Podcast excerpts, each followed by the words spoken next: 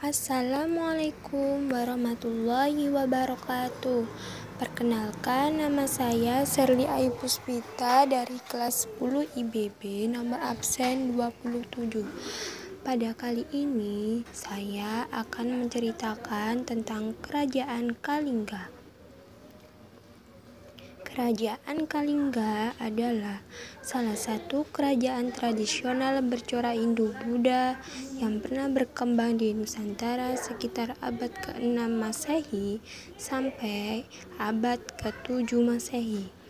Kerajaan ini berkembang di wilayah pesisir utara Jawa Tengah Walaupun belum ada bukti sejarah yang pasti mengenai lokasi kerajaan Kalingga, para ahli memperkirakan pusat kerajaan berada di wilayah Pekalongan dan Jepara saat ini. Bahasa yang berkembang di kerajaan Kalingga adalah bahasa Sanskerta dan Melayu kuno. Masyarakat yang tinggal di wilayah kerajaan mayoritas beragama Hindu dan Buddha hanya sebagian kecil yang menganut kepercayaan leluhur. Kerajaan Kalingga mencapai puncak kejayaannya ketika dipimpin oleh seorang ratu bernama Maharani Shima. Ia digambarkan sebagai sosok pemimpin yang tegas dan taat terhadap peraturan yang berlaku di seluruh wilayah kerajaan.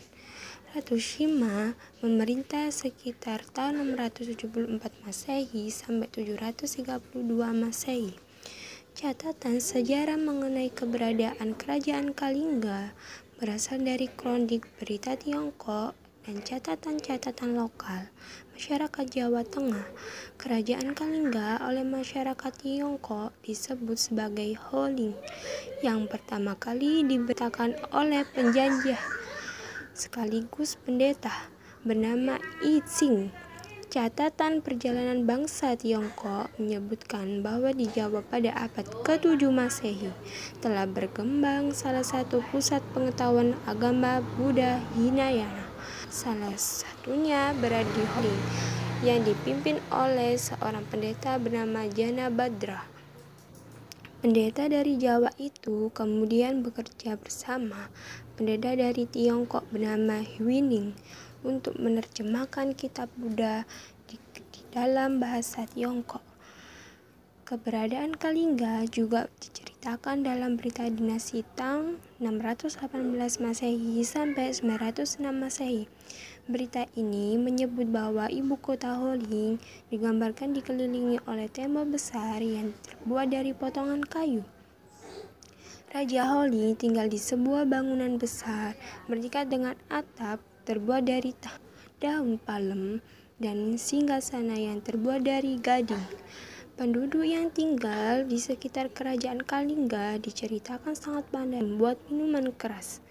Salah satu komoditi yang ditawarkan oleh kerajaan Hong atau Lingga adalah kulit penyu, emas, perak, culak badak, dan gading gajah yang sangat disukai oleh kaisar dinasti Tang. Catatan Tiongkok itu pun menyebut Holing dipimpin oleh seorang pengusaha bernama Ratu Hismu Sima. Ratu ini memerintah sejak tahun 674 dan dikatakan sebagai pemimpin yang adil dan bijaksana. Kerajaan Kalingga meninggalkan beberapa prasasti dan candi yang berisi catatan mengenai keberadaan kerajaan tersebut. Salah satu prasasti yang ditemukan adalah prasasti Tukmas.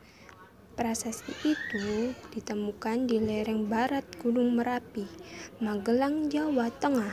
Prasasti Tukmas ditulis menggunakan huruf Palawa, berisi keterangan mengenai keberadaan mata air yang sangat jernih yang digambarkan sama seperti sungai Gangga di India.